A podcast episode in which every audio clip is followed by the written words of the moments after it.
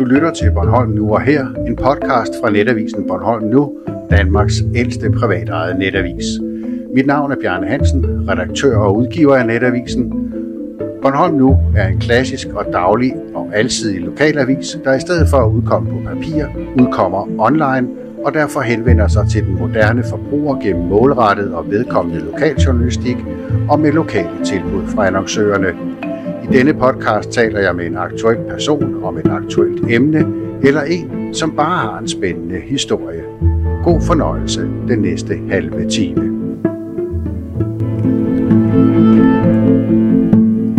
Min gæst i dag er Michael Stur, snart 57 år, chef for politikompaniet i det Bornholmske hjemmeværn, og så forhandler af alskens kontorinventar.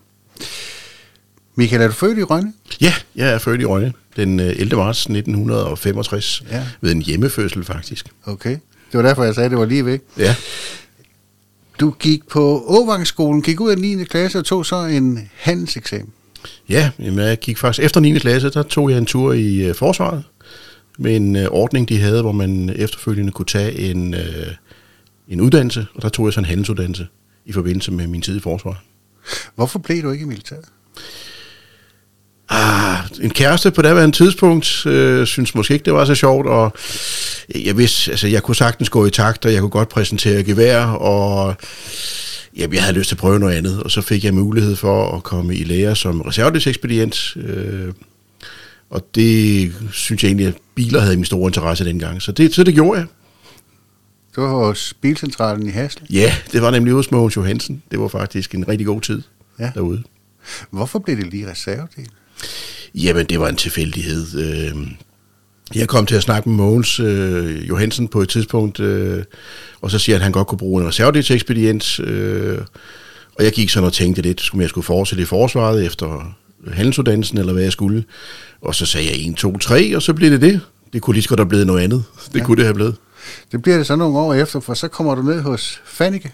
Ja, så synes jeg jo ligesom, at, øh, at det her med at gå og kigge på oliefiltre og tændrør, det, det kunne, kunne jeg godt tænke mig at prøve noget andet. Og så faldt jeg over en, øh, en jobannonce i, i avisen og søgte en stilling som øh, møbelmontør og lagermand nede hos, øh, hos Fannike.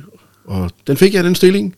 Og det var jeg super glad for. Jeg kørte ud og monterede møbler hos kunder og leverede varer. Og det var, det var, det var super godt. Øh, det var super godt. Øh, og fik jo en masse kontakter og fandt ud af, at jeg havde også åbenbart nogle evner til at kunne sælge. Ja, det er 86. Ja, det er nemlig 1986. Det er mange år siden, Bjørn. ja, ja, tiden går jo. Øhm, der er du så i en 4-5 år, ikke også? Og så kommer du op hos JF Data og Kontorservice. Ja. Jamen, jeg var inden da, så havde jeg, var jeg flyttet fra lageret op til salgsafdelingen og var blevet øh, juniorsælger. Og øh, havde faktisk mit eget kundesegment. Hvad betyder det, junior?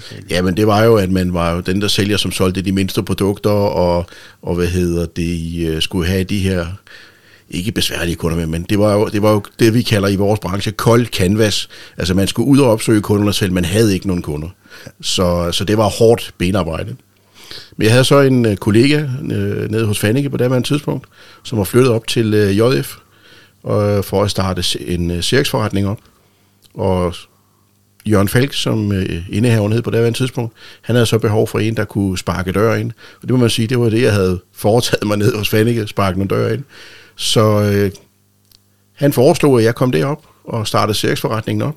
Og det gjorde jeg så. Øh, vi var to mand, en tekniker og jeg. Og vi startede faktisk fra nul, og klarede det faktisk rigtig godt i rigtig mange år deroppe. Og der var jeg så i rigtig, rigtig mange år, og fik øh, bygget nogle kompetencer på, blandt andet øh, kontormøbler og, og, og kasseapparater, som i dag er det noget af det, som jeg beskæftiger mig med. Du nåede at have 25 års jubilæum. Ja, det nåede jeg. Ja. Ja. Og så flyttede du pludselig. Nej, der skete det i 2012, der valgte JF at sælge sin øh, kontorafdeling fra i 2012, og øh, der blev jeg så solgt til øh, et firma, der hed øh, Solutions, der lå på Falster, og der havde jeg så fornøjelsen af at blive distriktschef på Bornholm, og det var jeg så i til 2018, hvor man i forbindelse med generationsskifte valgte at lukke øh, hele sin kontorafdeling øh, at lukke flere afdelinger, som øh, virksomheden havde. Vi lukkede blandt andet i Brøndby, vi lukkede i, øh, i Næstved og så videre. Ja. Og så øh, havde jeg faktisk sat mig for, at, at det var det. Så tænkte jeg, nu, øh, nu må jeg finde på noget helt, helt andet. Men øh, ja, 1. januar 2019, så var jeg tilbage igen i branchen med kasseapparater og kontormøbler og kopimaskiner. Ja, så du sparker dig. Ja, så det gør jeg stadigvæk. Og nogen siger, det under. Jeg skulle ikke have taget det der halve års overlov, som jeg jo tog efterfølgende, men øh, ja, man skal jo gøre det, man er bedst til, og, jeg, og det må jeg jo konstatere, at nok, det er nok det, jeg er rigtig, rigtig god til. Ja. Okay, så langt, så godt. I 84 bliver du medlem, medlem af det Bornholmske hjemmeværn. Ja, det gjorde jeg i 1984. Øhm, jeg var jo øh, på vej ud af forsvaret, og lige over for mig, der boede der en, øh, en kompagnichef i, øh, i det daværende hjemmeværnskompagni Rønne, Rikkel Jørgensen. Og han øh, lurede jo, at øh, nu kom jeg jo ikke hjem længere i, i en grøn uniform på min knallert. Så han tog lige fat i mig, så siger han, hvad, hvad så? Så siger jeg, jeg er stoppet i forsvaret. Hvorfor er du det? Nå, jamen, så fik vi en snak om det, og så siger han, du skal da være medlem af hjemmeværnet. Og det afviste jeg jo på det kraftigste, jeg skulle være medlem af hjemmeværnet, men... Øh, det var også mindre fint, ikke? Ja, det ved jeg ikke. Altså, ja. Nu havde vi jo igen mange år haft lidt sjove ballade med, øh, med hjemmeværnet, når vi havde været på, på øvelse med dem, så, så det var måske ikke lige det, der stod allerhøjst på min prioriteringsliste. Men Ejgil, han øh, lukkede jo mig indenfor, og Ja, det endte jo med, at jeg og en kammerat, vi skrev jo ansøgning om optagelse som frivillig i hjemmeværnet, som det så pænt hedder. Ja. Og så tænkte jeg, nå jamen, så kan jeg jo yde mit til samfundet. Det har du aldrig fået Nej, det har jeg sådan set ikke, fordi øh, jeg har været i den heldige situation, at jeg har fået lov til at beskæftige mig med meget af det, jeg godt kunne, øh, kunne lide at arbejde med. Og så har jeg, hvad hedder det, fået en uddannelse. Hjemmeværnet har fået en øh, leder- og instruktøruddannelse i hjemmeværnet, som jeg har gjort rigtig meget brug af, både, både militært og også civilt. Hvordan kan man gøre brug af det civilt? Jamen, forsvaret uddanner jo ledere for at lede. Øh, og det er jo selvfølgelig en, en, en meget voldsom påstand, øh, at jeg siger. Men, men vi er jo vant til at tage et ansvar, og vi er vant til, til at lede en, øh, et antal mennesker. Øh, og måske også arbejde under pressede situationer. Så det er jo noget af det, som, som jeg har kunne bruge i min, i min dagligdag. Også selv min øh, instruktøruddannelse, øh, når jeg har været ude og undervise i ergonomi eller indretning af arbejdspladser og andet, jamen, der har jeg også kunne bruge nogle af de kompetencer, jeg har lært der. Du kan få folk til at høre efter. Ja, det vælger jeg da i hvert fald at tro, jeg kan. Hvorfor bliver det lige politihjemmeværende? Ja, det er også en tilfældighed. Fordi øh, for små øh, 14 år siden, så øh, hvor jeg har en stilling som grundskoleleder ved Bornholmske Hjemmeværn, så blev jeg spurgt om, om jeg kunne øh, tiltræde som næstkommanderende i en overgangsperiode for at få styr på deres uddannelse. Jeg havde kun arbejdet stort set med uddannelse ved grunduddannelsen øh, ved hjemmeværnet. Og jeg siger OK til at, at, at tiltræde som fungerende næstkommanderende og få styr på det, og tanken var så, at vi skulle køre en ny næstkommanderende i stillingen forskellige ting sker så i, øh, eller skete der så i kombineret, så det endte med, at lige pludselig så sad jeg som fungerende chef.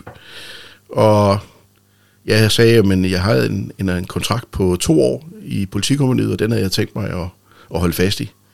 Men uh, efter 14 år, der, der sidder jeg jo nu som uh, politikompagnichef. Ja. Og er egentlig glad for det. Uh, det er nogle engagerede mennesker, vi har, og vi, uh, vi gør en forskel i, i politikompaniet. Ja. Jeg ved, du ikke kan lide, når folk siger, at I er ude at dirigere trafik. Nej, det er også rigtigt, Bjørn. Der er jo ikke noget, der hedder, der hedder trafikdirigering, vel? Og vi dirigerer jo ikke, vi regulerer færdselen. Ja. Og vi uddanner folk i færdselsregulering. Du går heller ikke til tanddirigering, vel? Nej. Dem, der dirigerer, det er dirigenter. Det er dirigenter, og vi andre, vi regulerer færdselen eller regulerer trafikken. Ja. Hvad er det, der er så spændende ved at stå i et vejkryds og væfte med arme og ben i timevis? Det skal du selvfølgelig spørge dem om, som synes rigtig godt om at stå ud i et, øh, i et vejkryds. Det er jo sådan, i politikommundet, der har vi jo nogen, der synes rigtig godt om færdselsregulering, og vi har nogle andre, som synes godt om andre opgaver. Nogle synes, det er, det er super spændende at, at stå derude og tage ansvaret, fordi manden, der står ude i krydset og regulerer færdselen, han har jo ansvaret øh, for dig derude. Jamen, øh, han har det godt med det, og jeg selv, jamen jeg for banke rusten af en gang imellem, så tager jeg da også en tur ud i et kryds. Men det er ikke, det er ikke mig, du ser det ud stå og, og, og regulere færdsel. Men jeg kan det, og jeg kan også undervise i det. Ja. Hvad er det, du laver?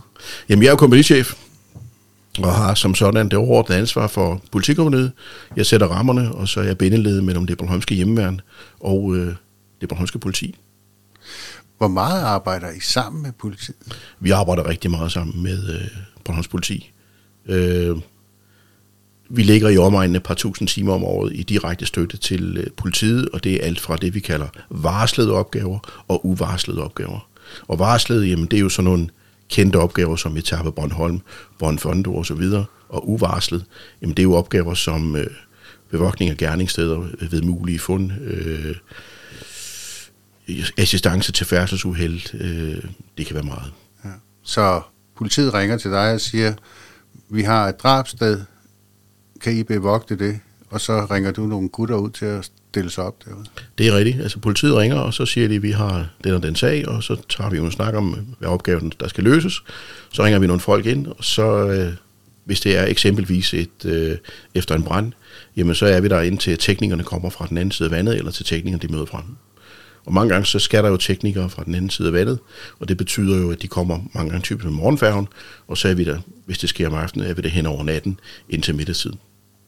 Og det er skiftende vagter? Og det er skiftende vagter, der øh, har vi forhold på. Det er derfor, i politikompaniet, vi godt kan lide modne mennesker. Ja. Sådan noget som pensionister, så kan man grine meget af det, men pensionister, det er modne mennesker, øh, som gerne måske har haft en, en fortid i forsvaret, og vi har givet dem en uddannelse, så er det super mennesker at have siddende derude. De har livserfaring, og de, øh, de kan gebærde sig ude på gerningsstedet. Ja, og de skal ikke nødvendigvis op på arbejde.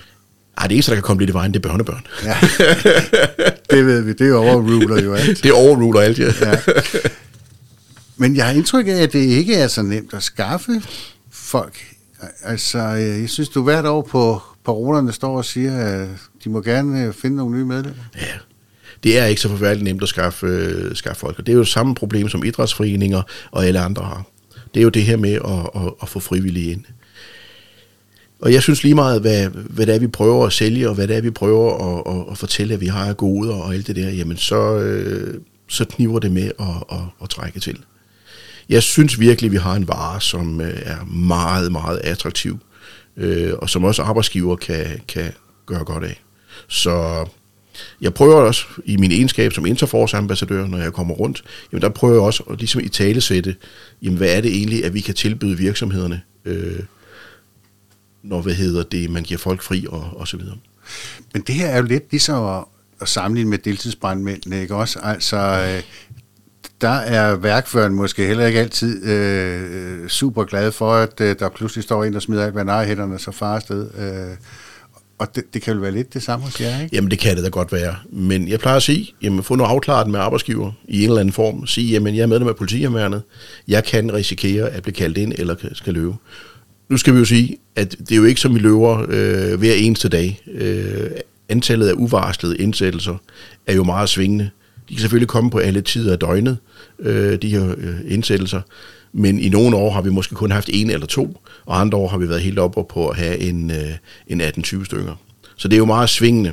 Så det er jo ikke hver dag, vi løber, men det er altid en god idé at klare den af med sin arbejdsgiver, få det eventuelt indskrevet i, øh, i sin ansættelseskontrakt, at virksomheden accepterer i det omfang, at det er forenligt med arbejdet. Jeg kan se her, at jeg har skrevet på et tidspunkt, at I havde 13 uvarslede sidste år. Ja, ah, det var jo forrige år, ikke? Ja. Nej, undskyld, hvad det var sidste år? Ja, det er 21, ikke? Ja. Øh, hvad er det for typisk opgave? Du nævner øh, bevogtning af brændsted og gerningssted ja. og sådan noget. Men men, men der er jo også andre, altså. Vi havde sikkerhedsafspærring i, på Nordbornholm øh, som en af de opgaver, og vi havde en øh, kran, der nede på Østbornholm øh, knækkede, som krævede afspærring i flere dage, indtil at den kunne fjernes. Og så har der været øh, bevogtning efter nogle mulige fund rundt på, på øen, og så har der faktisk været en, en del øh, bevogtninger efter brænde. Men det betyder jo også, når I bliver sendt derud, så skal folk gå imod den. Hvad skal de? Undskyld. De skal kunne holde mund. Ja, det skal de. de er jo, øh, vi er jo pålagt tavshedspligt, som, øh, når vi sidder derude. Og det er jo en af de ting, som, som vi gør meget ud af at sige, jamen, loyalitet og, og, og fortrolighed, jamen det er jo, det er jo en del af jobbet. Han er sagt, det er jo ikke et job, men det er et frivilligt øh, ja. embede. Jamen, det er, det er en stor del af det, og det har vi ingen problemer med. Men hvor meget får I at vide? For eksempel på et drabsted? Vi får, vi får det nødvendige at vide. For at kunne passe på. For at kunne passe på. Ja. Og øh, vi kan sagtens holde, øh, holde mund øh, derude. Og vi fører jo også det, der hedder en, øh, en log, altså det, hvad der sker derude, der, hvor, hvor vi skriver ned øh, hændelser øh, i, i det tidsrum, vi er der. Ja. Hvem der kommer og går. Hvem der kommer og går. Eksempelvis. Ja, fordi det kan være afgørende jo. Ja. For eksempel i en brand, hvis Ja. det er pyroman, der kommer tilbage, eller hvad det er. Men hvordan, du siger, at jeg samarbejder med, med politiet er godt, men I, men I er vel sådan en slags øh, dem, der udfører den sure chance? Ja, men hvis du nu tager helikopteren og flyver op en gang, så kan du sige, jamen, øh, hvis du skulle have en politiassistent eller to til at sidde hen over natten øh, ude og passe på et gerningssted, kan han så ikke bruge sin tid mere fornuftigt på at efterforske eller, eller løse andre opgaver? Det mener jeg i hvert fald, at, øh, at han kan. Og vi løser jo stadigvæk en, øh, en væsentlig opgave for politiet, øh, som, som øh, nogen skal jo løse. Ja. Og Bornholms politi kan jo ikke ringe til nabopolitikredsen og bede om støtte. Jamen, øh, det er jo typisk også, de ringer til. Hvor mange er I i kompaniet? Vi er 42 aktive, og kan du skaffe mig 20 til, Bjarne, så, øh, så giver jeg en kold fadøl. Det lyder jo mange. Ja, men 42 er jo selvfølgelig også mange, og det er 42 aktive. Men igen skal du huske på, at, øh, at nogen de yder de 24 timer, de skal om året, andre yder rigtig, øh, rigtig meget mere. Øh, og fordelt ud over det antal timer, som øh, vi yder til politiet, øh, ved siden af øh, uddannelse, skydninger og hvad vi ellers foretager os, jamen så er øh, 42 mand, det er ikke meget. Det er det ikke. En, en opgave i, øh, som eksempelvis øh, øh, Bonfondo i, i Gudhjem. Cykelløb. Cykelløbet, der er store cykelløber oppe i Gudhjem. Det kræver faktisk 24 mand Nå. til at løse opgaven op. Okay. Nu er det jo ingen hemmelighed, at som vi sidder her, så øh, øh, er der lidt uroligt. Der, øh, der bliver raslet med sablerne på begge sider af jerntæppet, var jeg ved at sige. Øh, der er mange ældre Bornholmer, som øh, er bange for krig. Øh, øh, ubegrundet måske, men, men frygten er der. Hvad er jeres opgave i tilfælde af krig? Jamen, øh, vi har selvfølgelig nogle opgaver, vi skal, vi skal løse i tilfælde af krig, og øh, hvad de bliver, jamen, øh, det må vi jo se på, når vi har en aktuel situation. Ja. Mit gæt er jo bevogtningsopgaver. Det, øh, Det er ikke helt ved siden af. det er ikke helt ved siden af, Nej. herre redaktør. Er det, også, er det også derfor, I skal lære, altså være gode til at skyde? Jamen, en, en soldat skal jo kunne øh, skulle be, betjene sit våben, øh, og det er jo lige meget, om, om vi så vi har en situation som nu. Jamen, en soldat har jo et våben, sådan er det, og han skal kunne skyde. Ja. Tror du ikke, at det er det, der enten afskrækker nogen, eller tiltaler nogen? Jeg ved det ikke, Bjarne. Jeg, altså situationen, som, øh, som vi har nu, øh, hvor de rester lidt med sablerne øst på, øh, den er jo forholdsvis ny i anførselstegn. Ja. Øh, Men der var jo en enorm forsvarsvilje indtil muren faldt, ikke? ja, det var der jo. Især her, her på Bornholm. Ja. Kigger man lidt sådan øh, statistisk tilbage på, på tilgang til, til hjemmeværnet, så kan man jo se, at hver gang du har haft en krise, så har vi haft øget, til, øh, øget ja. tilgang. Og det kan jo være, eller kigger man tilbage på Ungarn-krisen, øh, øh, hvad hedder det, øh, så havde vi også en øget tilgang dengang. Og sådan, sådan kan jeg jo måske håbe på, at øh, det her det kunne give lidt, øh, lidt tilgang nu her. Ja. Nils Anker Kofods bror sagde engang til mig, der var flere hjemmeværnsfolk end journalister på Bornholm. Så der er der jo en del i hvert fald. Øh, men hvad er det typisk for nogen, der søger ind i dit kompani? Jamen dem, der søger til, til politikompaniet, det er jo dem, som er... Det er jo ikke de unge mennesker. Det er jo ikke dem på 18 øh, år, som, som søger til et politikommuni.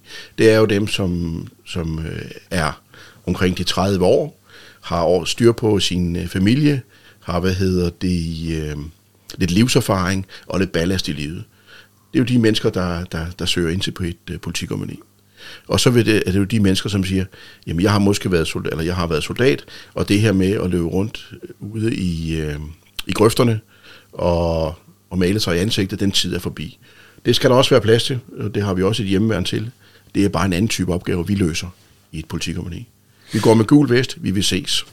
Ja, ja, ja de maler jeg ikke i hovedet. Øhm, men de folk, der så søger hvor godt bliver de tjekket? Fordi som vi snakker om før, man skal kunne holde mund, Mm. og man skal samtidig kunne betjene et våben. Jamen, øh, når du søger optagelse i hjemmeværnet, jamen, så kigger man jo ned i, i øh, diverse registre, og har du noget på bogen, jamen, så, øh, så får du det, der hedder en partøring. Ja. Så du, du kan godt komme ind, selvom du har en plet på Ja, det kommer an på, hvad du har lavet, ja. øh, men det kan også være, at, øh, at man siger, at du kan ikke søge ind i politikompaniet, men du kan komme til et områdekompani i stedet for. Men altså, har du noget, har du noget på din bog, som, er, som har gjort, at du har fået en, en, en dom, øh, en voldsdom eksempelvis, eller noget andet, øh, så, øh, så bliver du ikke optaget i, i hjemmeværnet. Det gør du ikke. Heller ikke, selvom det var noget, man gjorde, da man var ung og dum. Det kommer an på, hvor længe det er tilbage, hvad det var for en ung og dum øh, handling, du foretog dig dengang. Øh, det kommer meget an på, Ja. og det bliver der kigget på af auditøren. Men man kigger ned i, i registre, og øh, vi holder vores sti meget ren. For år tilbage, der hørte man tit om hjemmeværnsfolk, der havde misbrugt deres hjemmeværnsvåben til både det ene og det andet. De senere år har man ikke hørt. Nej. Det er jo fordi, at øh, nu skyder jeg jo lidt på dig, Bjarne, at Ja. pressen, ikke, de havde jo sådan en tendens til at skrive, at nu var det en hjemmemandsmand, der havde skudt, eller nu var det en hjemmemandsmand, der havde gjort. Og så var det jo implicit, at det havde man gjort med sit hjemmemandsvåben. Ja. Et faktum var jo rent faktisk, at, øh, at misbrug af hjemmemandsvåben var jo langt mindre end eksempelvis jagtvåben på et tidspunkt. Så Men det her var et betroet våben. jo det er et betroet våben, men der har jeg jo, øh, som underafdelingschef, har jeg jo et ansvar for, at hvis jeg har godkendt en, øh, en hjemmesoldat til at have våben derhjemme, jamen så har jeg også tjekket den af, at, øh, at han er ansvarlig nok til at have det. Ja. Og der er en meget stor selvjustis blandt øh, hjemmesoldater øh, til at have det her våben derhjemme. Da jeg var i Israel for mange år siden øh, og blev indlogeret hos den, øh, i en kibbutz hos den lokale sheriff, han svarede vel lidt til dig, sådan en øh, lokal øh, chef for øh, nogle gutter, der hurtigt skulle stille op. Øh, der skulle jeg lægge min bagage ind under sengen, og så lå der øh, maskinpistoler. og øh, som for en gammel militærnægter, så var det jo øh, ikke øh, det fedeste at opleve. Men øh, pludselig en nat, så lød alarmen. Der var simpelthen terrorister oppe i Golan. Og i løbet af 0,5, så havde de samlet sig, fået øh, våben og, og så videre, så videre. Også på, på frivillig basis. Er der noget med det her med, at forsvarsviljen er knyttet højt op på det der? Altså, øh, selv de største herrer i verden kan ikke slå partisaner eller øh, modstandsgrupper. Nej, altså det, den har jeg også hørt, den der. Øh, lokalkendskabet er jo, er jo vigtigt. Det var det, derfor er ordet hjemmeværn, at man skulle Ja. ja. værne sin, øh, sin hjemmeegne. Øh, det er jo der, at ordet hjemmeværn, det, det kommer fra. Og det, har, det springer ud af modstandsbevægelsen fra, fra 2. verdenskrig.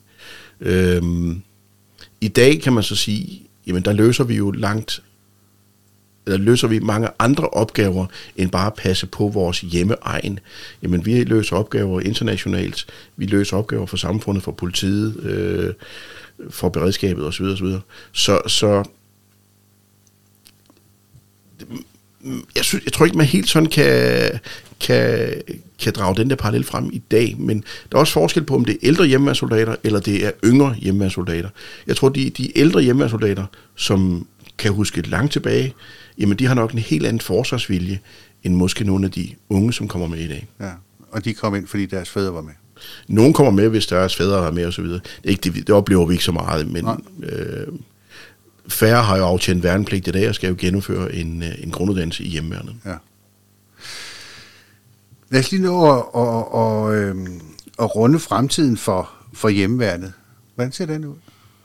Jamen, jeg håber, at den, øh, at den ser god ud. Øh, altså, der er opgaver nok derude, der skal løses.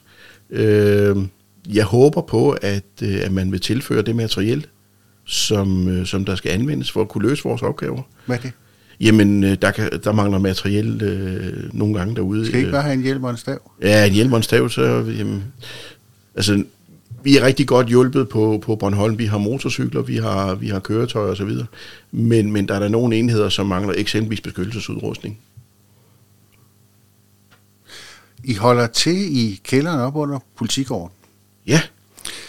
Jeg har indtryk af, at det er sådan en hule.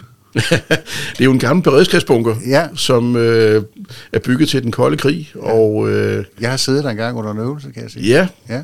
men det er rigtigt, der var jo tv-studie, eller undskyld, radiostudie Ja. øh, deroppe. Og der, der sad jo politimesteren, og der sad kommandanten, og der sad chefen for Beredskabsstyrelsen. De sad jo derinde, og der var telefoncentral. Og det er dernede, vi har vores øh, lokale i dag. Vi bor til leje hos øh, Bornholms politi. Og det, øh, kan ikke kalde det en hule, men det, det er vores, øh, det er vores øh, mødelokale. Vi har kontor, vi har, vi har faciliteter dernede, og så har vi jo her netop øh, sidste år indvidet nogle rigtig, rigtig gode garagefaciliteter øh, i forbindelse med vores, øh, vores lokale.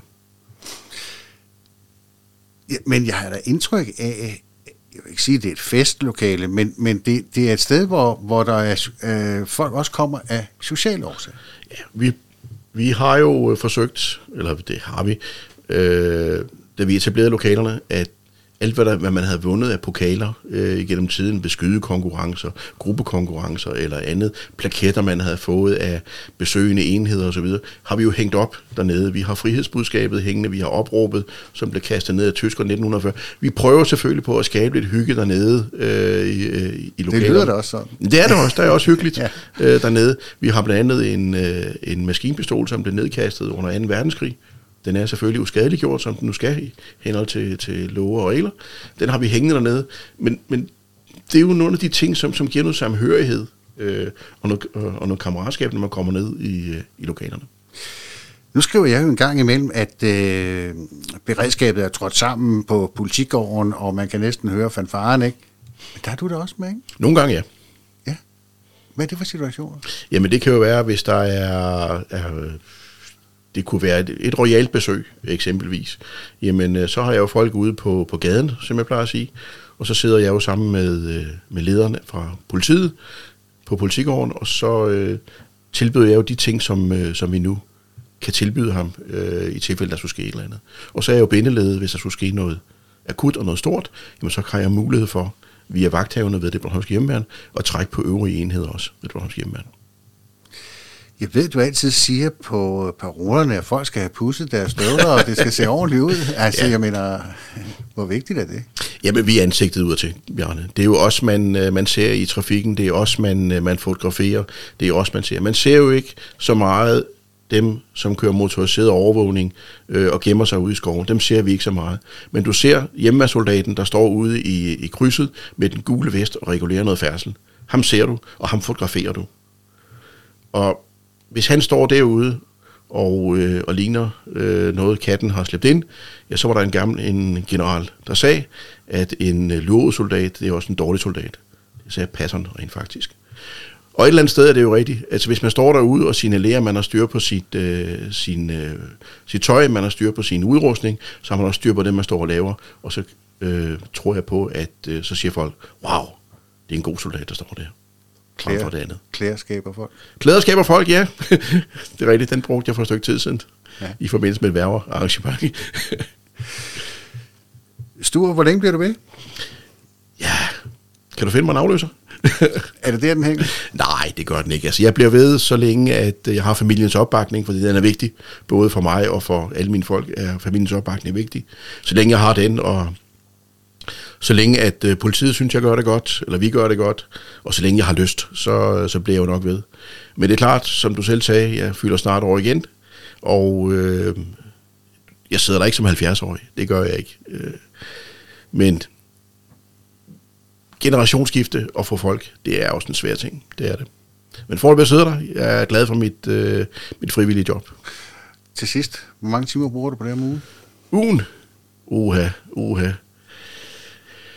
Jamen, jeg bruger jo nok en, øh, på en almindelig uge et sted mellem 20 og 25 timer. Et halvtidsjob. Ja, det er et halvtidsjob, øh, og så er jeg jo ved siden af, jeg er jo regionsambassadør for Interforce, øh, som jeg synes hænger meget godt i tråd med, med det at være, øh, være medlem af hjemmeværende og politikommunichef. Så jeg keder mig ikke, og jeg er glad for, at jeg har min families opbakning. Vi tak for, at I er der. Ja, men tak.